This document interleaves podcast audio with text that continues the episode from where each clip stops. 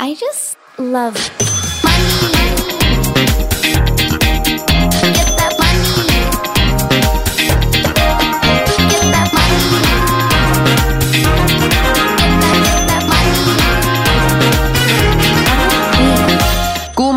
Og velkommen tilbake til en ny episode av Karrierekvinne podcast. Jeg er tilbake igjen her med Donna. Vi har snakka en stund nå om eh, at vi skal ha en liten eh, Q&A og en liten episode hvor vi rett og slett snakker om det her med å starte et foretak eller et AS, rett og slett komme i gang med bedriften din. Eh, og det Donna, det har vi jo snakka om nå i et halvt år at vi skal ha en episode om, men endelig så fikk vi tid til det. Hei og god mandag. Ja, det har vi. Absolutt. Og eh, det er kanskje noe av det som vi får mest spørsmål om, så jeg tenker at det er fint å oppsummere det litt i en episode. Mhm. Vi har jo drevet eh, flere bedrifter. Vi har drevet både ENK og AS. Vi har ja, vært gjennom det meste, fra digitale tjenester til fysiske produkter, og ja, har litt kontakter egentlig over hele verden. Eh, Så vi kan jo egentlig bare starte, tenker jeg. Jeg vet ikke om du har lyst til å si noe mer introduksjonsvis, eh, Donna, eller om vi bare skal fyre løs, for her er det mange som lurer på eh, mye. Og det skjønner jeg, det er en jungel. Ja, vil jo, ja, Vi har jo selvfølgelig samlet noen veldig, veldig gode tips fra våre egne erfaringer. Eh, og så I tillegg så har vi jo en haug med spørsmål, som du sier. Så jeg tror denne episoden blir liksom todelt. Eh, litt tips og litt spørsmål. Mm. Eh, det spørsmålet som kanskje har gått igjen eh, flest ganger, eh, det er jo det her med hvordan Altså, man har lyst til å være sin egen sjef, men eh, man vet ikke hva man skal drive med. Nei. Og det er jo et utgangspunkt som veldig mange sliter med. Litt fordi at det er så mange muligheter til hva man kan Mm. gjøre og hva man kan drive med. Eh, og det sliter jeg med den dag i dag. Ja, men der Noen har lyst til alt. sånn, Du har jo sinnssykt mange ideer. Og så er det noen som bare jeg har bare lyst til å være min egen sjef, men jeg tror liksom kanskje man må altså For det første så kan man jo bare altså bare det å melde seg inn i et nettverk, f.eks. Equal, da ser du jo hva veldig mange andre driver med. Du kan eh, måle litt marked. Eksempel I denne Equal Community som vi har, da, så er det jo 400-500 medlemmer hvor man kanskje kan spørre hva er det du savner innenfor det og det feltet. Eh, Rett og slett gjøre en liten sånn markedsanalyse på hva er det som er der ute. Er det bra nok? Hva er det du interesserer deg for? For jeg tror jo da til syvende og sist så må du jo ha en interesse for det du gjør, og ikke bare jobbe for forbrukeren. Eh, Hvis det skal være liksom bærekraftig i lengden da, for din egen del. Jeg vet ikke hva du tenker rundt det? Ja, vi har jo også, som du nevner, i Collisions så har vi også utvikla en brainstormingsøvelse. Mm. Der man kan eh, teste litt sine egne eh, Ja, utfordre litt, da. Eh, Utfordre seg selv litt og sine egne tanker.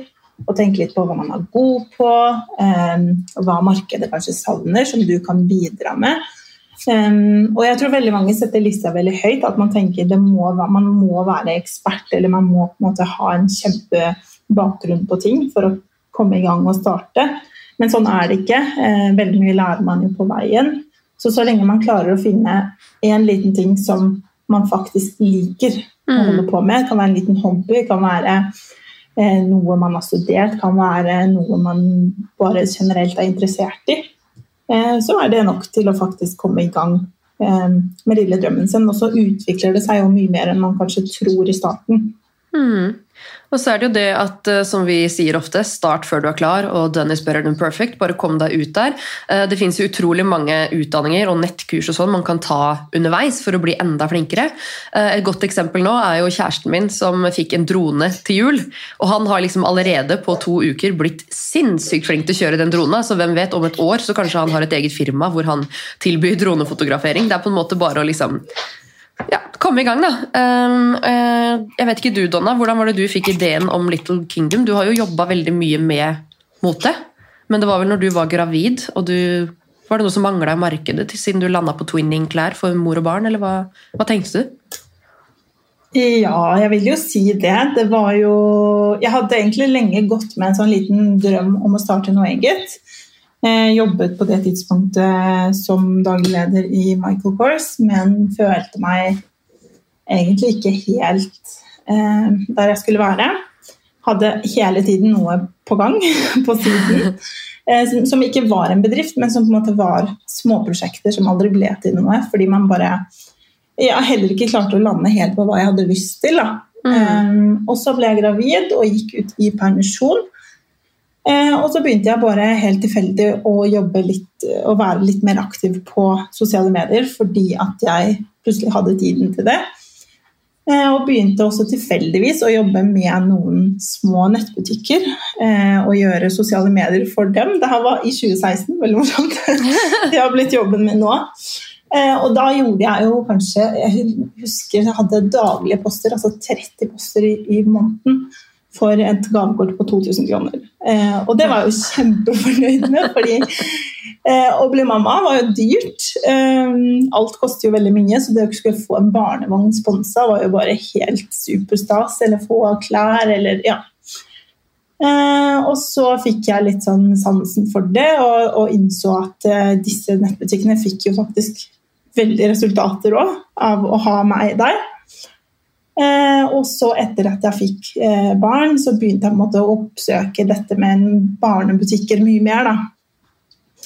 Og følte meg kanskje ikke som den standard mammaen som eh, gikk rundt i bæreskjold. Og, og, ikke at det er noe galt i det, men ja, det var bare ikke meg. Eh, så jeg hadde lyst til å være litt mer sånn sosial medie-mamma. og eh, ta sånne kule bilder og fulgte litt med på trender og ting som var litt, mer, litt større i utlandet enn det de var i Norge. Og så innså jeg plutselig at det, det var ingen tvinning i Norge. Absolutt ingenting. Og jeg har vært ekstremt heldig, for jeg var jo alene om denne trenden i kanskje to år før det begynte å komme noen eh, ikke småkjeder, men store kjeder som Gina Tricot med Gina Mini og Kapal og alle disse. Så, um, så det har jo vært en veldig, veldig, veldig, veldig fin reise, det vil jeg si. Eh, og så er det morsomt hvordan det har utvikla seg nå til noe helt annet igjen. Men det tror jeg er like viktig. Ja. Eh, at man finner sånn ting underveis. da. Så du var jo liksom en kombinasjon av kunnskap fra tidligere jobb, av hva du likte å jobbe med, og hva du savna på markedet. Eh, Så det er veldig kult, da, hvordan man kan finne litt inspirasjon her og der, og finne ut hva man faktisk har lyst til å drive med. Eh, Vi har jo hatt mange coachingtimer, både du og jeg, Donna. Vi driver jo én-til-én-coaching med damer som har lyst til å starte egen eh, business. Og jeg husker så godt at vi hadde et par tilfeller i ja, det er vel kanskje et år siden, med to stykker som hadde lyst til å bli influenser, men som rett og slett endte opp med å lage egne mediebyrå, hvor du nå har innholdsprodusenter og fotografer. Og, så det er veldig stas da, når man kanskje tror at man har en idé, eller man er litt usikker, og så bare rett og slett få litt synspunkt utenifra. Det tror jeg kan være veldig lærerikt, da, både i form av én-til-én-coaching, nettverk, og rett og slett spørre venner sånn Hva er det liksom hva er det du forbinder meg med? Hva, hva er hobbyene mine? Hva er det jeg er god på? Og så bare rett og slett starte der. Da. Kanskje lage tankekart eh, og se hvilke ideer som utspiller seg. Men eh, jeg tenker at det viktigste er å legge fra seg tanken om at ehm, den jobben eller den bedriften allerede er tatt. Fordi det er veldig mange som tenker åh, nå har liksom eh, tre stykker i nettverket mitt starta som VA, da, virtuell assistent, eller som innholdsprodusent, eller et eller annet sånt. Eh, Da kan ikke jeg gjøre det samme, men hvor mange kunder er det ikke der ute som de ikke har tid til? Så Det, du, det er også en sånn tanke som man må legge fra seg. At for eksempel jeg, da, Selv om det er mange influensere der ute, og jeg bare hadde 6000 følgere, så var det ikke sånn at jeg tenkte nei, det toget har gått for min del. Det, det skjedde jo faktisk. Det er jo bare å jobbe for det.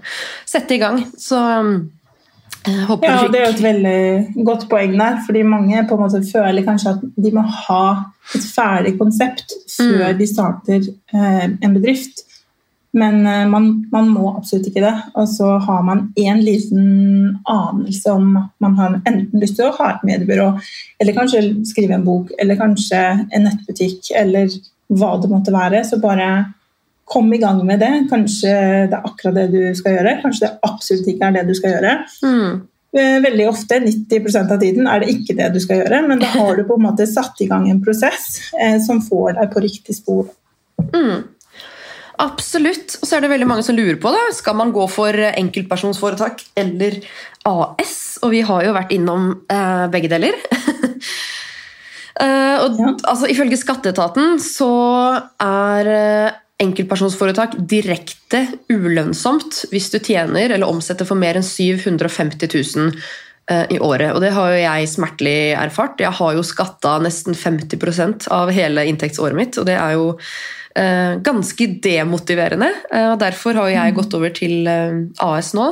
I tillegg til det så har du jo uansett hvor mye forsikringer, helseforsikringer, Nav-forsikringer, uansett hva du har i enkeltpersonsforetak, og du sparer på eh, individuell pensjonssparing og i fond og hele pakka eh, ved siden av, så har du eh, som AS, da, som ansatt i eget AS, et medlemskap i folketrygden som gjør at du er 100% dekka. Du får jo da sykepenger, du kan permittere deg selv hvis bedriften din går dårlig under f.eks. pandemien. Du kan ta ut mammapermisjon og ja, sånne ting. Så starte med enk er eh, kanskje en fordel hvis du ja, f.eks. bare har lyst til å lufte en idé eller ikke har et ferdig konsept. eller ikke... Ja, det er litt vanskelig også å vite hvor mye man skal omsette for det første året. Det kan jo vi begge to skrive under på det siste året. Men Mhm. Eh, jeg starta i hvert fall med et enk, eh, men ikke gjør som meg og vent for lenge før du går over til AS. Når du ser at omsetninga begynner å nærme seg liksom en halv million, så kanskje det er på tide å vurdere et AS. Men eh, til alle dere som kjører på full pupp, bare gå for AS. Og ikke vær redd for at det koster 30 000 kroner, fordi Brønnøysundregisteret tar 5500, og de andre 24 500 de er rett og slett dine til å bruke i firmaet. Til å gi deg selv lønn, til å kjøpe deg nytt kamera, kjøpe deg ny Mac. Du mister ikke 30 000 kroner. Det koster ikke 30 000 kroner å starte et AS. Så jeg vet ikke, Donna, hva har du eh, noe formening om enkel AS? Da føler jeg at du oppsummerte egentlig det viktigste. Men det er jo ja, hvis man er i en litt sånn usikker fase hvor man kanskje ikke har spikret konseptet eller ideen sin helt 100 eh, så kan det nok være en enkel måte å komme i gang og starte et enkeltpersonsforetak. Um, personlig syns jeg at enkeltpersonsforetak er mye mer eh, hassle, fordi at den har mange flere frister. Eh, skatt eh, gjennom året. Um, Ja, det er jo seks momsfrister og fire skattefrister. ja, Mens Så- i et AS så har du på en måte Du skatter av overskuddet i selskapet én gang i året. Eh, Så det er en Det er nok litt mer sånn formelle krav. Aksjonæroppgave må jo da sendes en gang i året. Og det er f.eks.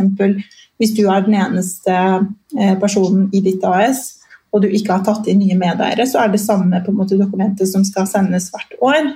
Eh, Så det er jo egentlig en ganske enkel jobb også for en regnskapsfører hvis man har en.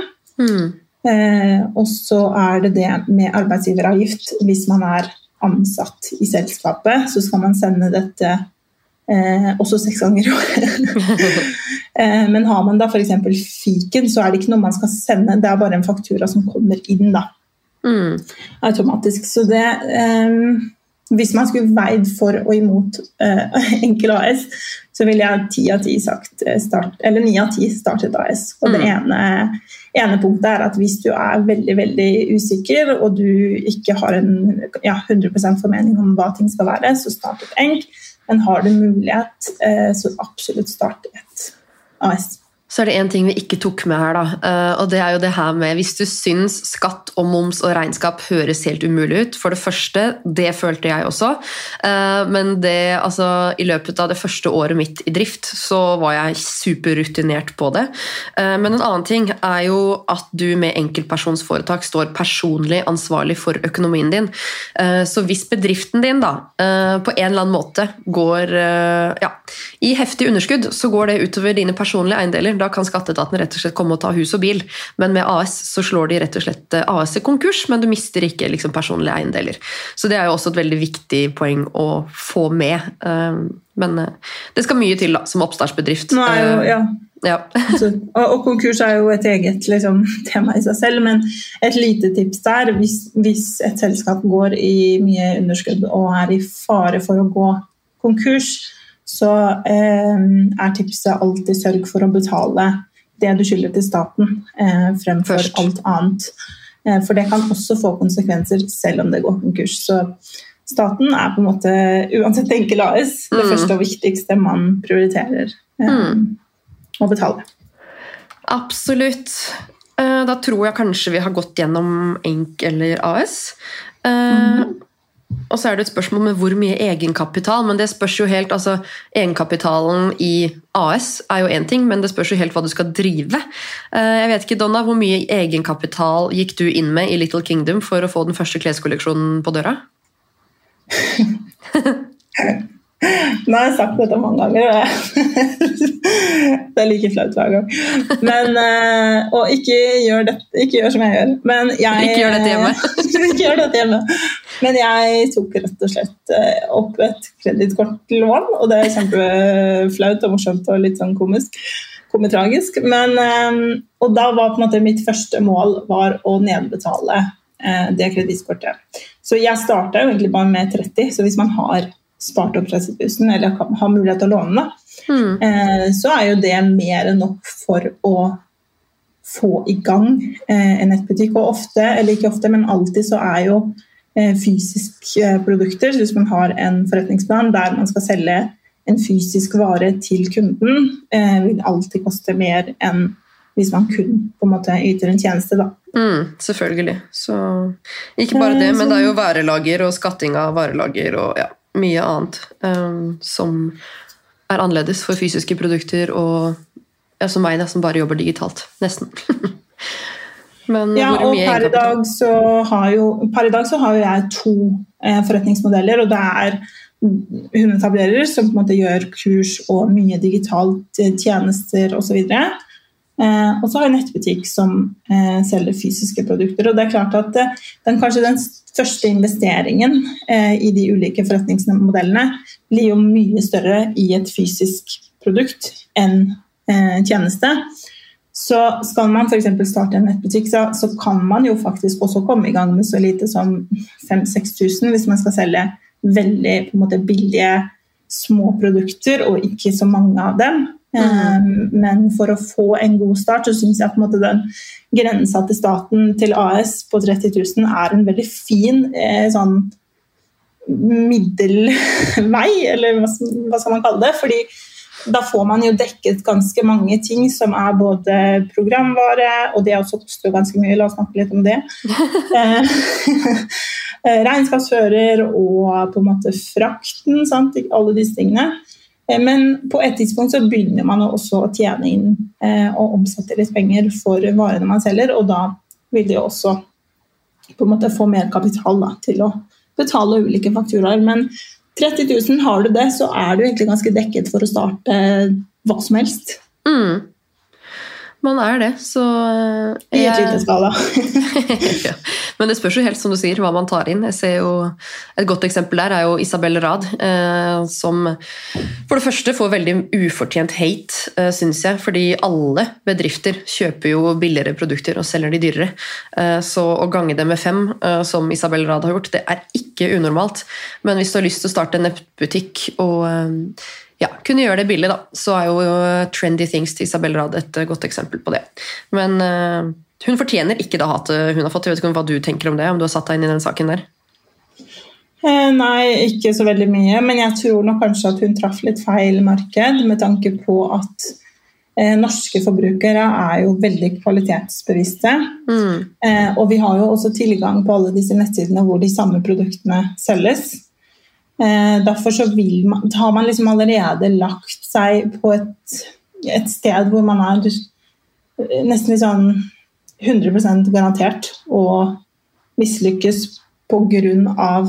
disse faktorene. Da. Eh, men selve den driften og de kalkylene og, og måten måte, ting prises, det forstår jeg 100 eh, Men da kanskje man skulle valgt litt andre typer produkter. Og ofte så liker jo vi også som forbrukere produkter som vi ikke har sett før. Mm. Eller som vi ikke kan få en annen plass. Og hvis det er produkter som vi har eller kan få en annen plass, da ønsker vi jo på en måte at det skal være leverandører som vi kjenner til og stole på. Ja, men uh, vi kan ikke akkurat si at hun er mislyktes. da. Hun omsatte jo for en halv million første måneden. Uh, men uh, så er det noe med det, skal man ha et produkt på tre dager, eller skal man vente på AliExpress som tar kanskje fem uker? Det er jo også en ja, viktig del å ta med her. Men uansett, um, neste spørsmål er hvordan gå fra enk til AS? Ja, Det- det er jo det jeg gjør nå. Ja, det er det du gjør nå. Det er jo to måter å gjøre det på. Man kan enten omdanne sitt ENK til et AS, dvs. Si gjøre det, samme selskapet eh, med alt av regnskap, alt av eiendeler, og flytte alt inn til et AS. Mm. Eller så kan man avslutte enkeltpersonsforetaket sitt hvis man f.eks. ikke har kjøpt veldig mye ting og tang. Eh, og starte et helt nytt AS. Og hvis man har eh, kjøpt litt, så kan man jo da også kjøpe de tingene fra seg selv som Mm. privatperson eller fra enkel til AS-et. Ja, og det er jo den siste der som jeg har gjort. Jeg har jo da avvikla Haugård Frilans Enk eh, nå ved nyttår, og så oppretter jeg da Bendikte Haugård AS. Og det eneste eh, produktet som er verdt å selge videre til AS, det er jo da en Mac, fordi telefonen min og kameraet mitt og alle sånne småting, det er jo da allerede ferdig skatta eh, fra de to siste åra i drift. Eh, Men det er jo noe du kan få hjelp til ved en regnskapsfører og avvikle det enket du har. Um, Og så rett og slett starte et nytt AS. Det som overraska meg litt, det var kanskje hvor lang tid det tar å starte det AS-et. Eh, Jeg har jo brukt stiftemaskinen og Folio, og har bedriftsnettbank i eh, Folio med det nye AS-et mitt. Eh, Veldig enkelt og signere stiftelsespapirer og vedtekter og opprette bedriftskonto og hele den regla der. Eh, Men hver gang jeg får en melding på at nå er det bare tre-fire dager, så får jeg en SMS om at f.eks. nå er firmaet ditt registrert i Brønnøysundregisteret. Og så tenker jeg yes, og så står det liksom videre i meldingen. Det tar tre uker før du får org-nummer. Så det, det er liksom Du tror liksom at det bare tar sånn mellom ja, Jeg tippa sånn tre til ti dager, så er jeg liksom i drift. Men eh, å regne med en god måned hvor jeg ikke kan fakturere, det, det er greit å ha litt penger på konto når man tar den prosessen her. Mm. Ja, og det er jo da, som, som jeg sa til deg også, eh, i stad, så er det jo en ekstra på en måte, utfordring for deg. Og så kanskje du skulle prøve å få ekstra oversikt og gi oss noen gode tips på hvordan vi skulle holdt styr på faktureringene. Mm. Jeg er ganske basic der nå. Jeg bruker Hun planlegger, som er boka vår, og rett og slett skriver opp hvem som skylder meg penger, og hvem jeg skal fakturere. Så det er ikke så veldig mye tips og triks, men jeg skal se om jeg kommer opp med noen, eh, ja, noen eh, tips som eh, kan gi verdi. Her er noen som spør hva må man tenke på før man starter. Og her er vi jo egentlig føler liksom vi har prata litt om det. For det første at man ikke må tenke for mye før man starter. Eh, Men jeg vet ikke. Det spørsmålet er jo veldig åpent. Har du noe mer å si på det enn hva vi allerede har sagt, Anna? Det er jo ja, veldig mange ting man skal tenke på hvis man først har bestemt seg og har funnet noe som man har lyst til å satse på. Eh, Så er man jo på en måte nødt til å gjøre litt research, litt markedsundersøkelser. Eh, Det enkleste og den beste måten synes jeg per i dag er egentlig bare å bruke Instagram stories eh, hvis man har en profil med noen følgere eller har en bedriftsprofil også. Bruke det til å få litt meningsmålinger, få litt tilbakemeldinger fra de som følger deg, i forhold til eh, det produktet eller tjenesten som man skal tilby. Eller Google-analyse og sende den rundt til alle og legge den ut på Facebook, legge den ut på Instagram. Det, er kanskje enda enklere enn å få svar på Fordi selv jeg med 30 000 følgere, de spørsmålsboksene kan noen ganger bare svikte. Ingen som gidder å hjelpe. Så Ja. Men eh, da har man jo litt ulike måter å gjøre det på. Personlig syns jeg at stories er bedre, fordi at da får man litt sånn bedre og raskere svar. Eh, mens disse analysene må man på en måte Folk må være litt sånn motivert da, eh, for Mm. å svare på dem, så man må gjerne på en måte gi noe i retur. da. mm. Um, og så eh, må man da lage en, eller sette opp en enkel forretningsplan. Veldig mange blir jo redd for forretningsplanen og syns det er en kjempeskummel eh, ting. Eh, men det skal jo egentlig bare inneholde så enkelt som hvilke tjenester eller produkter man skal yte. Um, eller tjenester man skal yte. Hvilken kompetanse du eller bedriften eller andre i bedriften har. Eh, hvor man holder til, hvordan man kan skape mer omsetning. Eh, ja, så Det kan være veldig kort, men veldig ofte så vil du da eh, La oss si du bor i en liten kommune. Eh, så er eh, min opplevelse at små kommuner er veldig mye flinkere til å ivareta gründere og lokale bedrifter. Og da vil de jo veldig gjerne ha en forretningsplan. Og det trenger ikke være så komplisert. Vi har faktisk en mal på en forretningsplan. Mm. Vi har ikke en nettbutikk akkurat nå, for vi er i prosess å avslutte en tidligere nettbutikk og flytte det inn på nettsiden vår. Men der kommer det jo da en mal på en forretningsplan som man bare kan fylle inn. Eh, Mm. Og den er jo veldig fin. Eh, og det tredje er absolutt søk finansiering hvis du har mulighet, spesielt hvis du bor i en liten kommune. Hvis du eller bor- undersøk, Ja. Mm. undersøk mulighetene, fordi små kommuner er virkelig eh, veldig, veldig gode på å ivareta eh, små lokale bedrifter. Absolutt, og den forretningsplanen er også veldig genial hvis du skal eksempel søke til Nav. Eh, Nav har jo også eh, et type program hvor du kan søke eh, for å få finansiering det første jeg ikke, jeg husker ikke om det var første seks månedene eller første tolv månedene, eh, hvor du rett og slett får en type lønn da, eller eh, dagpenger fra Nav for å satse på egen bedrift. Eh, Der er det jo dog en del kriterier som du må følge. Eh, Sist jeg sjekka, så måtte du bl.a. i forretningsplanen ha en plan for bedriften din og altså ansatte. Det må jo da på en måte gi en verdi til eh, både kommune og stat at du setter folk i arbeid, du må kunne ansette folk, og det må være en bedrift som eh, ja, fyller visse krav da, til bærekraft, til fremtid, til innovasjon og litt sånn forskjellige ting. Men det finner du informasjon om på Nav. Så en forretningsplan er helt klart gull, ikke bare for å ja, ha et papir å vise til andre som eventuelt spør om det, men også for å ha en litt sånn plan for deg selv. Da. Hva er det jeg egentlig vil med det her? Um, og Vi har jo også i planleggeren eh, vår, som du kan kjøpe på ark, der har vi jo også uh, ikke en ikke en forretningsplan, men litt sånn motivasjon for deg selv. Hver eneste måned så har vi noe som heter salgsmål.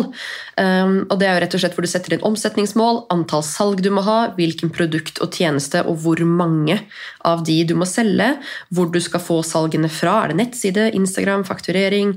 Uh, så veldig mange sånne små punkter da, i den planleggeren som er en sånn uh, liten ja, lite spark i rumpa hver eneste måned. Så uh, det en god planlegger, en forretningsplan. Uh, hvis du ikke er god på regnskap, så ville jeg gjort som meg og bare kjøre regnskapsfører fra dag én. For det er kjipt å gjøre noe feil, spesielt ja, egentlig både i Enk og AS, men i Enk så er du personlig ansvarlig, da, og det er heller ikke noe krav til at du må ha en separat bedriftskonto, hvilket jeg sterkt anbefaler. Ikke nødvendigvis bedriftskonto, det kan være en helt vanlig konto i nettbanken din ved siden av privatkontoen, men bare det å ha et klart skille fra første stund.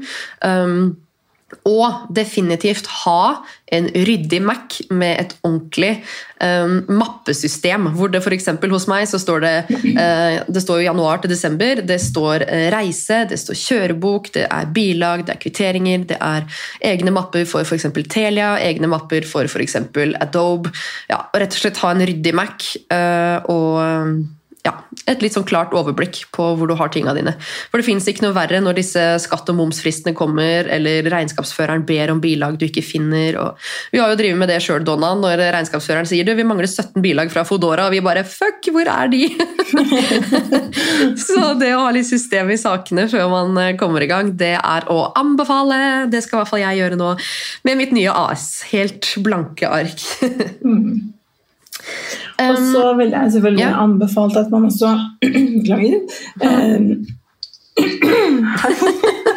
det er lov. eh, kjører en liten SWOT-analyse på bedriften sin, eh, som på en måte kartlegger litt hvilke styrker og svakheter man har. Eh, også litt sånn både innenfor bedriften, men også hvis man sammenligner seg med konkurrenter. Um, og hva som kan gå galt, hva som kan gå, være til fordel, hva som um, Ja, masse ulike ting. Og det fins jo masse SWOT-analyser hvis man googler litt, så det er uh, Den kan på en måte gjøre litt at man virkelig uh, ser seg selv litt utenfra. Mm. Og spesielt, kan bli litt sånn spesielt motivert av å se uh, hvor man virkelig er god, da. Mm, absolutt, og hva man kanskje bør outsource. Men som vi prata om i forrige episode, vær litt forsiktig med outsourcing også. Du må vite hvem du gir oppdragene til. Ja. um, Men hvis man skulle gitt en sånn eh, kort oppsummering, da, så ville jeg da tenkt av hele prosessen eh, tenkt litt på salg og markedsføring. Skal man selge til privatpersoner, til bedrifter eller til begge? Eh, hvordan skal man markedsføre bedriften? Skal den eksistere på nett eller fysisk? mm, salong, eller skal du kjøre ut til kunder? Og det er jo så mye, mange ting man kan gjøre. Eh, og så må man også tenke litt overfor reklamasjon og klager. Eh, være litt sånn forberedt på hva skal du gjøre hvis en kunde klager på et produkt eller tjeneste, eh, eller har problemer med et eller annet. Eh, tenker på fakturering. Eh, her anbefaler vi fiken, som vi også bruker selv. Eh, tenker litt på regnskap. Eh, vil jo si at fiken er ganske eh, gode på regnskap. Og Mm. gode for den som ikke kan regnskap. Og den Som ikke kan regnskapsspråket. Der står det bare 'jeg har kjøpt noe', 'jeg har solgt Ja. noe'. Det er liksom ikke Det er ikke mye fancy ord. Så sånn sett er det veldig greit. Og så er de også veldig gode på um, support. Så Ja. det skal de ha. Og så vil jeg også tenke litt på i forhold til purring og inkasso, for det er faktisk ikke alle kunder som betaler i tide heller. Mm, og Eller er betaler i sånn det hele tatt. Ja, lett å glemme i starten når man på en måte er litt mer opptatt av selve bedriften. Eh, og da vil det jo alltid komme tilfeller hvor kunder eh, er, ja, betaler for seint eller ikke er villige til å betale. Så må man jo ha litt rutiner for purring og inkasso også på plass, og det har vel også fiken Ja. system på, så det er jo fint. Og så det siste, eh, når du først er i gang eh, og har begynt å selge, eh, så vil jeg også tenke litt på forhånd i forhold til mersalg og oppfølging av eksisterende kunder.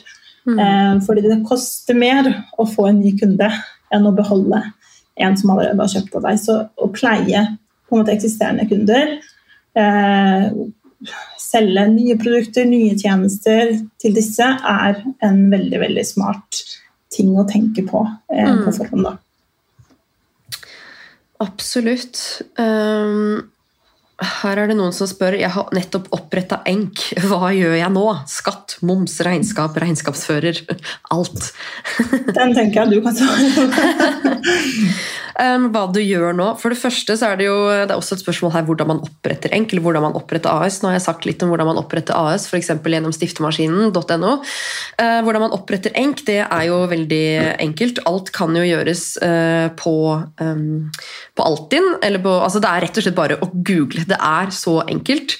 Um, og når du da har fått dette organisasjonsnummeret, som sagt, separer økonomien er det første. Jeg har jo en konto som er privat, og så har jeg en konto i den samme nettbanken som jeg har like, helt lik tilgang til fra mobilen, som bare heter Haugård Frilans, um, når jeg hadde enket mitt.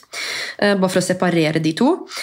Uh, en annen ting er jo det her med skatt, moms, regnskap, regnskapsfører. Hvis du er så blank, da, uh, som det høres ut som du er, akkurat som jeg var, så vil jeg absolutt anbefale deg å gå til um, booking av en regnskapsfører. Her ville jeg dog gjort litt research. Som sagt har jeg vært borti en del cowboyer som har uh, fakturert helt svimlende summer for ja, Jeg føler at jeg har gjort 90% av jobben, men så har de på en måte tatt 90% av inntekta. Det var litt overdrevet, men det er sånn det sitter igjen og føles. Um, Hvilken bransje er du i? Kjenner du noen i den samme bransjen? Kanskje de kan anbefale en regnskapsfører som har peiling på bransjen din. Eh, Et eksempel er jo influenserbransjen, hvor det er veldig mange Veldig mange smutthull, veldig mange eh, lover og regler som er udefinerte. Um, og da er det lurt å ha en regnskapsfører som har jobba med store influensere før. Eh, det er også et godt tips å finne en regnskapsfører som er kjent for å hjelpe kunden. Fordi det som irriterer meg mest, det er eh, altså Selvfølgelig, det skal være nøye og hele pakka, men for min del så har jeg jo en regnskapsfører som kan forklare meg eh, hva jeg skal skrive av, hvilke smutthull jeg kan på en måte eh, tjene på da, i det store og det hele, istedenfor å ja, bare skatte meg i hjel, momse meg i hjel og ja. Eh, Det er Momse meg i hjel. Momse meg i hjel. Nei, men altså å skrive av, da. Litt sånn smarte kjøp. Eh, Et godt eksempel er jo Jeg fikk jo ikke vite før nå rett før jul at eh, eh, Kjørebok. Jeg har jo kunnet skrive av rundt 4000-5000 på kjørebok, overnattinger, bompenger, eh, passasjerer. Hver måned gjennom hele året. eh, Og jeg fikk jo ikke noe beskjed om det. Jeg har bare fått beskjed om nei, kjørebok tar så lang tid å skrive at vinninga går opp i spinninga. Det er jo bare tull. Eh, En annen ting er jo det her med internett hvis du har hjemmekontor. Um, Så det er jo også noe du kan ta på firma. Uh, og Det har jeg også fått beskjed om at nei, det kan du ikke, for det er jo andre i husstand som bruker det nettet. Så det er veldig mange ting som regnskapsførerne burde hjelpe deg med, da, istedenfor å nesten lure deg på, som jeg har følt. Så å gjøre litt research rundt regnskapsfører, det er ikke dumt. Um, skatt og moms. Inne på skatteetatens nettsider så går du rett og slett bare inn der og trykker på 'endre skattekort og forskuddsskatt'. og Der må du rett og slett bare ta fingeren litt opp i lufta og tenke hvor mye kommer jeg totalt til å tjene på dette enkeltpersonsforetaket. Skriv inn et tall, og så får du da rett og slett en oversikt over hvor mye du skal skatte de neste terminene som kommer. Um, og det her er um, et tall som du kan gå inn og endre. altså med en gang, for eksempel, Jeg starta jo 2021 med å skrive inn 500 000. um, og annenhver måned så måtte jeg gå inn og 750 000. 1 million. 1,2. 1,5. Og bare gå inn og øke det tallet, og det kan du. Det er rett og slett for at du ikke skal få en skattesmell året etter. Um, hvis du ikke gjør det, så kommer du til å få en skattesmell, og det er også helt greit. Det er ingen som på en måte uh, blir sinte for deg for at du skylder penger til staten, så lenge du betaler det i tide. Uh, det var meg i 2020. Da visste jeg at jeg kom til å få en skattesmell, men da tok jeg selvfølgelig vare på de pengene da, fram til den um, skatteinnkrevingen kom i, uh, til høsten nå i 2021. Uh, og det med moms, der uh, har jo jeg en regnskapsfører som rett og slett sender inn uh, alt av papirer jeg trenger og regner ut hvor mye moms jeg skal betale, og så får jeg bare en faktura på mail hvor jeg betaler inn. Karoline um, gjør jo alt sammen selv, Karoline uh, i Equal Agency, så hun har kanskje egentlig litt mer peiling på hvordan man gjør den regla der selv, men fordelen med en regnskapsfører er at du slipper unna mange av de tingene der, også årsregnskap og sånne ting. Men når du har oppretta ENK, så er det egentlig bare å um, kjøre på. Så lenge du har eh, kontroll på hvordan du skal betale skatt og moms, og du har et regnskapsprogram, eh, det bør du også laste ned, fiken f.eks., eh, og eventuelt en regnskapsfører, så er du jo godt i gang. Da er det på en måte bedriften du må begynne å tenke på. Her er det noen som spør oss hva skulle vi ønske noen hadde fortalt oss da vi starta opp? Donna? Åh, det er mange ting. um, ja, altså Hele dette med å drive, starte å drive eget firma er jo en læringsprosess eh, i stor utvikling hele veien. Um, men kanskje hvor Jeg tror eh, For det er jo to ulike ting. Å jobbe på bedriften og jobbe i bedriften. Mm. Um, å jobbe på bedriften er på en måte den gøye delen der du faktisk utvikler uh, nettsiden din, utvikler tjenester, uh, lager godt innhold. på en måte, altså Virkelig gjør de kosetingene som, som man gjerne signer opp for. Mm. Derfor man starter sitt firma. Også det at kanskje 80% av det å drive eget firma er jo da uh, å jobbe i bedriften. Um, og rett og slett eh, fakturere. Um, det kan jo være litt gøy, det også, men kundeservice um, Administrasjon, regnskap, uh, kontakt med regnskapsfører, kontakt med leverandører, frem og tilbake, og veldig mye sånn um, A4-ting, da. Uh, mm. Som man kanskje ikke helt ser utenfra når man er i gang med å starte en egen bedrift, eller har lyst, da. Eh, så det skulle jeg nok kanskje ønske at noen fortalte meg, at eh, nå må du forberede deg på ganske mye. Eh, det er jo den der som heter 'jeg gikk fra en 8 til 4 for å jobbe 24-7'. Ja. Og sånn blir det jo. Og, og jeg føler på en måte at det hele tiden der jaget etter å jobbe på bedriften, som på en måte selvfølgelig også er litt av motivasjonen til at man gjør det man gjør.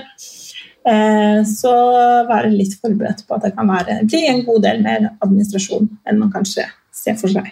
Mm. Ja, uh, den kan jeg skrive under på. At uh, Kanskje du sier opp jobben din for å få mer frihet. Men uh, ja, du har kanskje mer frihet og kan jobbe fra hvor du vil, men du jobber jo helt sykt mye mer. men igjen så vil jeg jo si at det er en helt annen motivasjon i det. da. Ja, jeg jobber kanskje mer, men man har en frihet. Jeg kan jobbe fra hele verden. Jeg tjener mye bedre. Um, så jeg kan bestemme selv. da. Hvis jeg har en litt dårlig dag, ja, men da jobber jeg lørdag da, istedenfor torsdag. Så tar jeg meg en dag i senga i dag. Um, så det er jo mm. mye digg også, selv om det er veldig mye jobb. Men um, hva jeg skulle ønske noen hadde fortalt meg Nå har jo jeg uh, Altså litt forskjellige bedrifter. Den ene bedriften min um, jeg visste jo at det var mye cancel culture og drittslenging og forum der ute, men jeg tror ikke jeg var helt forberedt på uh, hvor mye hvor mye dritt man kan få da, som influenser i Norge med bare 30 000 følgere. Um, for å egentlig ikke gjøre noen ting. Altså, alt man gjør er jo på en eller annen måte feil. Hvis jeg har lagd iskaffe, så har jeg jo gjort det feil fordi jeg har brukt bønner som er malt i et land hvor det er slavedrift. Altså, jeg vet ikke, det er bare alt du gjør er feil. Hvis jeg legger ut et eh, bilde da, eh, eller lager en story på badet mitt, så har folk zooma inn i dusjen og Oh my god, hvordan kan du bruke den barberhøvelen, den som er lagd av sånn og sånn type plast? Altså, jeg var ikke forberedt på um, hvor heftig det der faktisk kan være. Eh, Og neste spørsmål her er jo hvordan starte profesjonelt som influenser. Det her har jo vi prata en del om, Donna, at det er ikke sikkert alle passer til den rollen. Du skal være ganske psykisk sterk. Eh, Du, Donna, har jo sagt det at hvordan orker du liksom å ha så mange øyne på deg som skal liksom plukke da, i sånne små, helt ubetydelige ting. Um, så det er kanskje det jeg kunne ønske jeg var mer forberedt på. Um, ikke bare det, men det gjelder jo også en bedrift. Hvis bedriften din eh, gjør noe altså Går på ræva, tar et prosjekt som kanskje var litt dumt, gjør en eller annen dum avgjørelse, så har jo på en måte mediene, selv om kanskje ikke du er en kjent person, så har jo mediene eh, full kontroll over hva som skjer i eh, skatteetaten. De vet hvor mye du omsetter for, de vet hvis du går på en blemme, eh, og de ja, Bare det med at du kan bli hengt ut for alt og ingenting uten forvarsel. og at folk kan være ganske kjipe da, i kommentarfeltet og forum. og sånt, mulig sånt. Det er sånn jeg kunne ønske jeg var for, mer forberedt på um, i begynnelsen. Um, og selvfølgelig det her med at man øh, Hvordan skal jeg si det? Vi snakka litt om det her i forrige episode, men at det kommer så mange muligheter, eh, og at noen kunne lært meg at jeg må ikke takke ja til alt. Og at alt må ikke skje samtidig. Alt måtte ikke skje i 2021. Jeg trengte ikke tre lanseringer på to måneder. Jeg kunne hatt en lansering i halvåret eller en lansering i året. Um, selv om en mulighet byr seg nå, så er det ikke sikkert at den forsvinner til neste år. Um, så det med at du må ikke takke ja til alt, du må ikke gjøre alt samtidig, at noen virkelig kunne printa det inn i hodet mitt, det kunne jeg også ønske. Ja, alt skulle skjedd i går-mentaliteten. Den kan man på en måte Livredd for å gå glipp av muligheter. Ja, ehm, den eh, har jo vi lært nå, men Mm. eh, absolutt skulle ønske jeg at det ikke var At vi ikke følte at vi hadde så dårlig tid. Så vær så snill, ikke føl du har kjempegod tid, uansett om du starter i dag eller neste år, eller når du gjør det. Mm. Og Det gjelder jo som bedriftseier, men også til deg som lurer på det her med hvordan starte profesjonelt som influenser, eller deg som bare lytter til podkasten og liker å følge folk i sosiale medier. Det er jo det her med å sammenligne. Um, det veldig mange gjør feil, som jeg tror kanskje både Equal og jeg og ja, veldig mange eh, følgere, da, hvis man kan kalle det det, gjør eh, ikke feil, men litt sånn feil mindset. At man sammenligner seg med så mange forskjellige. Jeg skulle liksom gjerne hatt bildene til Caroline Berg Eriksen, og så skulle jeg hatt interiøret til eh, Interiør-Maria, og så vil jeg gjerne være like flink på sminke som Erma Beauty, og så vil jeg være like fashionista som Gine Margrethe. altså de her, Det er jo forskjellige nisjer som de er dritgode på. Ingen av de hadde klart å være like gode i alle nisjene, så hvorfor skal jeg prøve? Det er noe med det samme som Equal Agency, eller generelt dere som starter en bedrift. Ikke sammenlign deg med bedrifter som har vært på markedet i 20 år, eller som har 200 ansatte. Eh, Det går ikke. Du må heller sammenligne deg med hvem du var i fjor, eller med hvordan den bedriften var når de starta. Eh, Men generelt det beste er kanskje ikke sammenligne seg, og bare you do you, rett og slett. Yes. Du sitter og nikker. yes. Helt enig. Neste spørsmål er hvordan starte profesjonelt som influenser. Jeg gikk jo litt inn på det der. For det første så må du jo um, vite om det her virkelig er noe du vil. Uh, for det er jo lett å tenke at influensere de får bare masse greier i posten, de tjener masse penger, de har masse frihet. Uh, men fakta er jo at det er beinhard jobbing bak. Det er jo en bedrift. Ofte så er det jo også flere bedrifter. Uh, og veldig mange tenker jo å, så deilig å ikke ha en sjef, men sannheten er jo at jeg har mange sjefer. jeg har jo eh, hatt eh, Little Kingdom som oppdragsgiver, jeg har hatt Cosme Beauty som en oppdragsgiver. Jeg har, jeg har så mange oppdragsgivere. altså I løpet av en måned så har jeg jo 30 forskjellige arbeidsgivere liksom, um, som man skal forholde seg til. Eh, Du er allemannseie. Alle forventer å vite alt om deg, alltid. Og hvis du prøver å holde korta tett til brystet, eller et eller annet, så blir folk sure på deg. Eh, Du skal svare på alt, alltid, hele døgnet rundt. Um, Så du er litt sånn Du står i en offentlig sånn gapestokk, og i tillegg eh, så må du bare svare til alle, og du er Ja. Det er mye. Mange baller i lufta, mye å holde styr på, mange prosjekter. Eh, Så det at du bare ser f.eks. feeden til Isabel Rad, det betyr ikke at du eh, At det er så enkelt, rett og slett. Så det er kanskje det første, å vite litt hva det her dreier seg om. Eh, Hvor mye jobb som ligger bak. Eh, Hvis du syns det her med enkeltpersonsforetak og AS og hele det her, økonomi, regnskap, regnskapsfører, skatt og moms, høres ut som at det er ikke noe for deg, da kan du bare legge fra deg den drømmen med en gang, fordi det er, eh, det er eh, 80% av jobben. Kan du tenke at alt det jeg får i posten, det må jeg også skatte av. Så det er ikke det at jeg får et gratis spisestuebord eller en gratis sofa eller gratis tights eller hva enn det skal være. Jeg skatta 70 000 for de møblene som står i leiligheten min. Um, så det er ikke så uh, enkelt som det.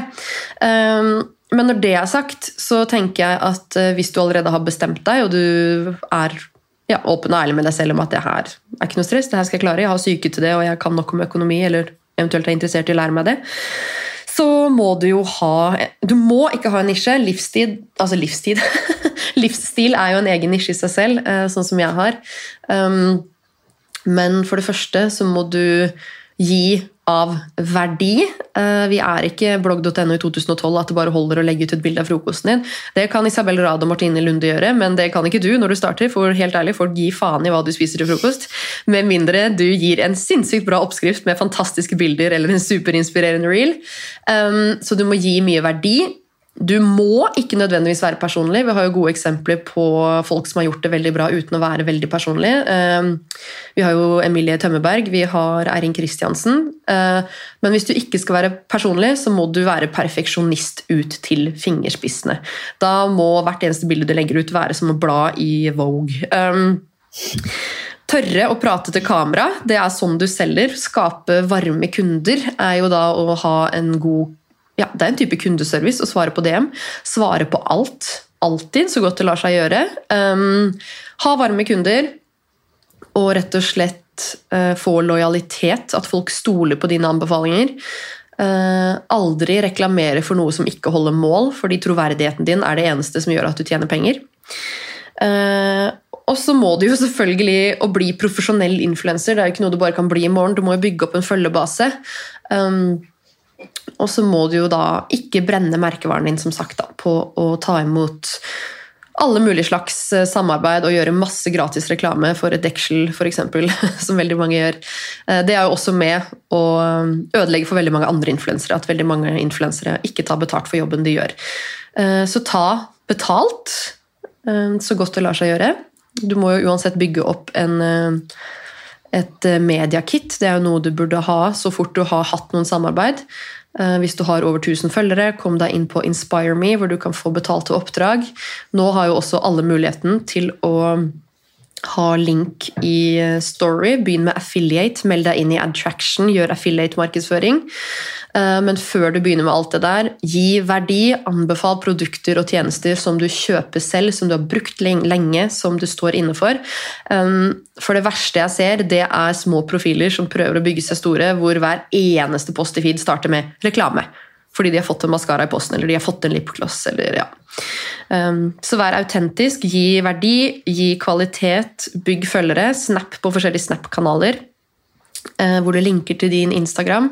Uh, bygg deg opp på Snapchat samtidig som du bygger opp Instagram-kontoen din, for det er mye lettere å bli stor på Snapchat enn det er på Instagram eh, nå om dagen. Uh, jeg er en av de 200 verifiserte profilene i Norge, og jeg gikk fra å ha 500 følgere til ja, nå er det vel noen og 20 000 som ser storyene mine hver dag, eh, på under ett år. Um, så ikke undervurder Snapchat. Og eh, ja, hei fram andre, eh, for det blir lagt merke til. Det er liksom noen tips som jeg kan gi for å starte. Og så kan du booke én-til-én-coaching med meg i medlemskapet til Equal Agency som heter Influencer Pro. For det er jo noe det jeg jobber med. Rett og slett Coache influensere i å bli store, bygge merkevare og tjene penger. Og så, Donna, har vi noen spørsmål um, fra vårt eget nettverk. Uh, her er det noen som sier 'hvordan gjør man det med MVA'? Det er litt sånn 'hvordan gjør man det'? Ja, hvordan gjør man det? Uh, For det første, for å bli registrert i MVA-registeret, så må du ha omsatt for 50 000 eller mer uh, de siste tolv månedene. Ikke året, ja. Ja, så det er ikke et kalenderår, men det er hvis du starta i juni i fjor, og du har omsatt for snart 50 000 eh, nå i januar, så er det på tide å registrere seg i MVA-registeret. Og det er jo da en prosess som går ganske enkelt. Man sender på en måte de fakturaene man har, eller omsetningen. Eh, og så blir man da godkjent eh, som momsregistrert. Mm. Eh, om man blir momsregistrert, så har man da, la oss si du selger en tjeneste, enten det er som influenser eller som byrå eller hva det måtte være, eh, som koster 4000 kroner. Eh, da tar du 4000, og så legger du på 25% som er moms. Eh, og det her gjør du jo ganske enkelt på, i regnskapsprogrammet ditt, så du trenger, du trenger ikke nødvendigvis overkomplisere det før du har kommet i gang. Da. Mm. Eh, Så når du lager en faktura i fiken, så er det veldig enkelt å velge på en måte moms i tillegg. Eh, Og da blir det jo registrert automatisk i regnskapsprogrammet. Eh, Og på samme måte er det jo hvis du La oss si du trenger en PC til jobben din. En iMac eller en Macbook eller en Ringlight eller hva det skulle være. Eh, Så går du på butikken eller bestiller det på nett, og da lager du eh, det bilaget og laster det opp i regnskapsprogrammet. Da blir jo den momsen du har betalt for den varen, også fratrukket. Eh, du, du betaler jo da ikke moms som eh, bedrift. Mm. Eh, til slutt så vil man jo ende opp med et resultat. Så hvis du har på en måte omsatt for 100 000, så har du 20 000 i moms som skal tilbake til staten. Eh, men la oss si du har kjøpt varer for eh, 10 000 kroner. Eh, så er det 2000 kroner du får fratrukket fra de 20, så du betaler kun 18 000. Jeg vet ikke om det var kort eh, og godt forklart. Men alt dette gjør man jo i regnskapsprogrammet, så eh, ja. Ja. Det viktigste her er jo for det første å momsregistrere seg til riktig tidspunkt. Eh, Det andre er, spesielt hvis du er influenser, å oppdatere alle disse, f.eks. Inspire Me og Attraction og alle, det, altså, altså alle disse programmene og plattformene du kanskje er med på, eh, og legge inn at du faktisk er momsregistrert, for da må jo de gi deg rett og slett mer penger som du skal gi fra de igjen og inn til staten. En annen ting er jo å ha litt koll på hva som er momsfritatt. Eh, Noen coaching- eller undervisningstjenester, f.eks. Jeg vet jo at den som spør her, driver med litt sånn coaching og undervisning. Noe av dette er jo fritatt, det kan du jo høre med en regnskapsfører. Um, Og f.eks. hvis du som nordmann da har en svensk kunde, så er jo det også utenfor eh, MVA-området. Så litt sånne momsregler er jo greit å sette seg inn i. Men generelt, når du eh, oppretter en faktura i fiken, så velger du jo en kunde. Eh, Og ofte, så i hvert fall det vi oppfordrer til, er jo å behandle disse kundene bra, sånn at det er varme kunder som du kanskje f.eks. som influenser får eh, oppdrag igjen og igjen og igjen. Da oppretter du da en kunde, f.eks. hvis den kunden her bor i Sverige, og den kunden her alltid skal ha 30 eller 60 eller 90 dager faktisk forfallsdato, for sånn er det noen ganger som influenser.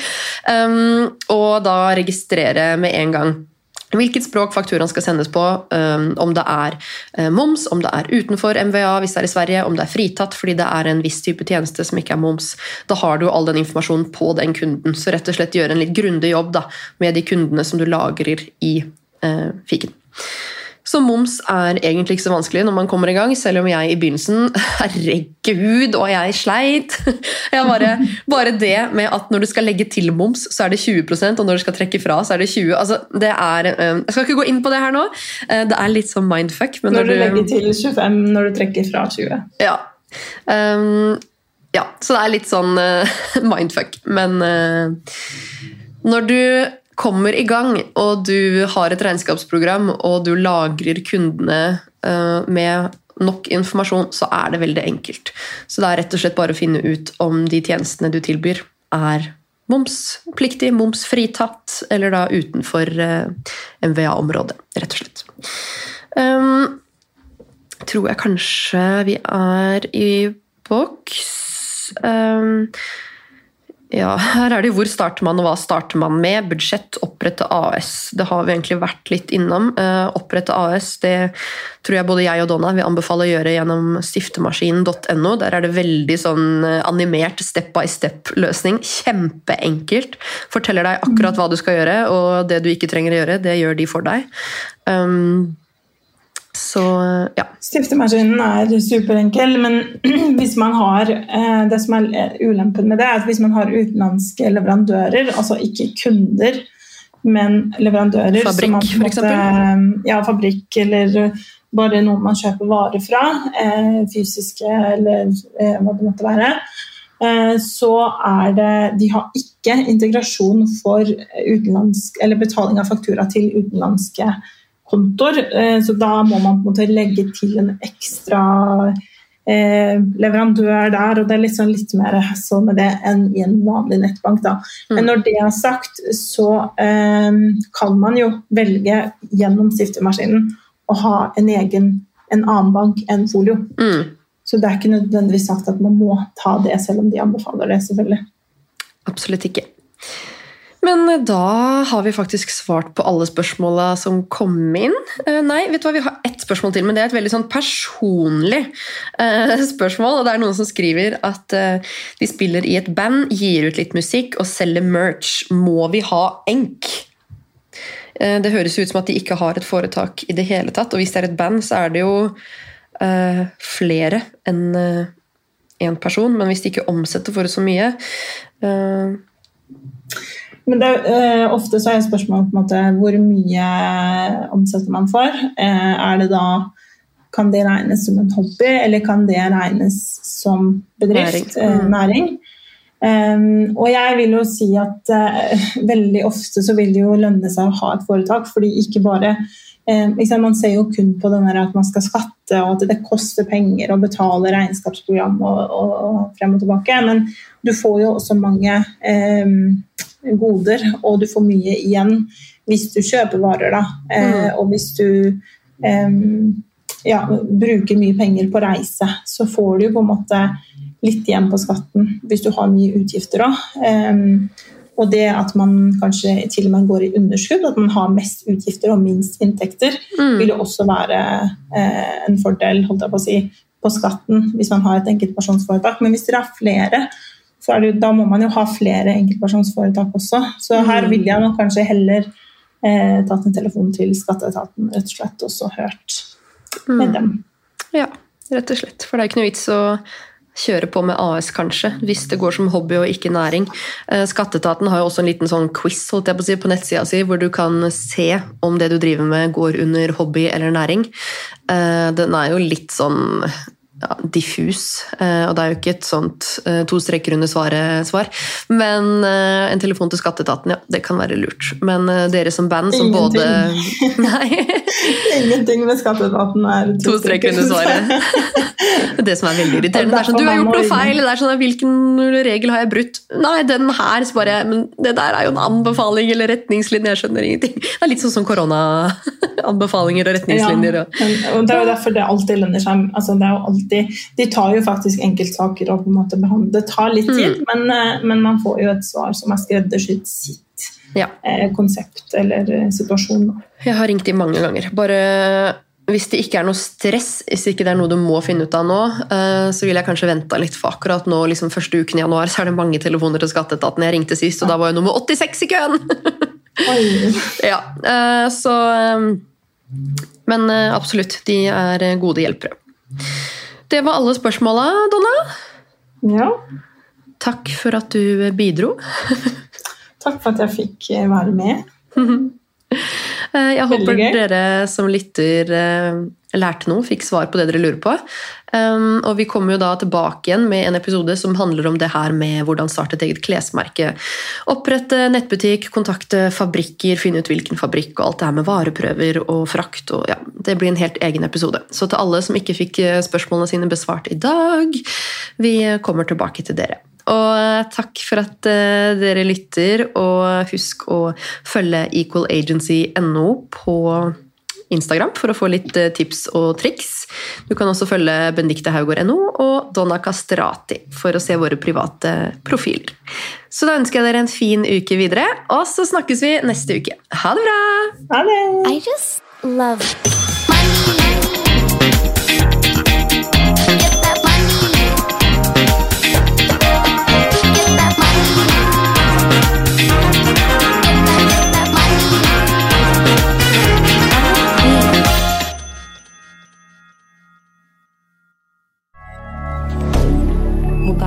Media. Har du et enkeltpersonforetak eller en liten bedrift?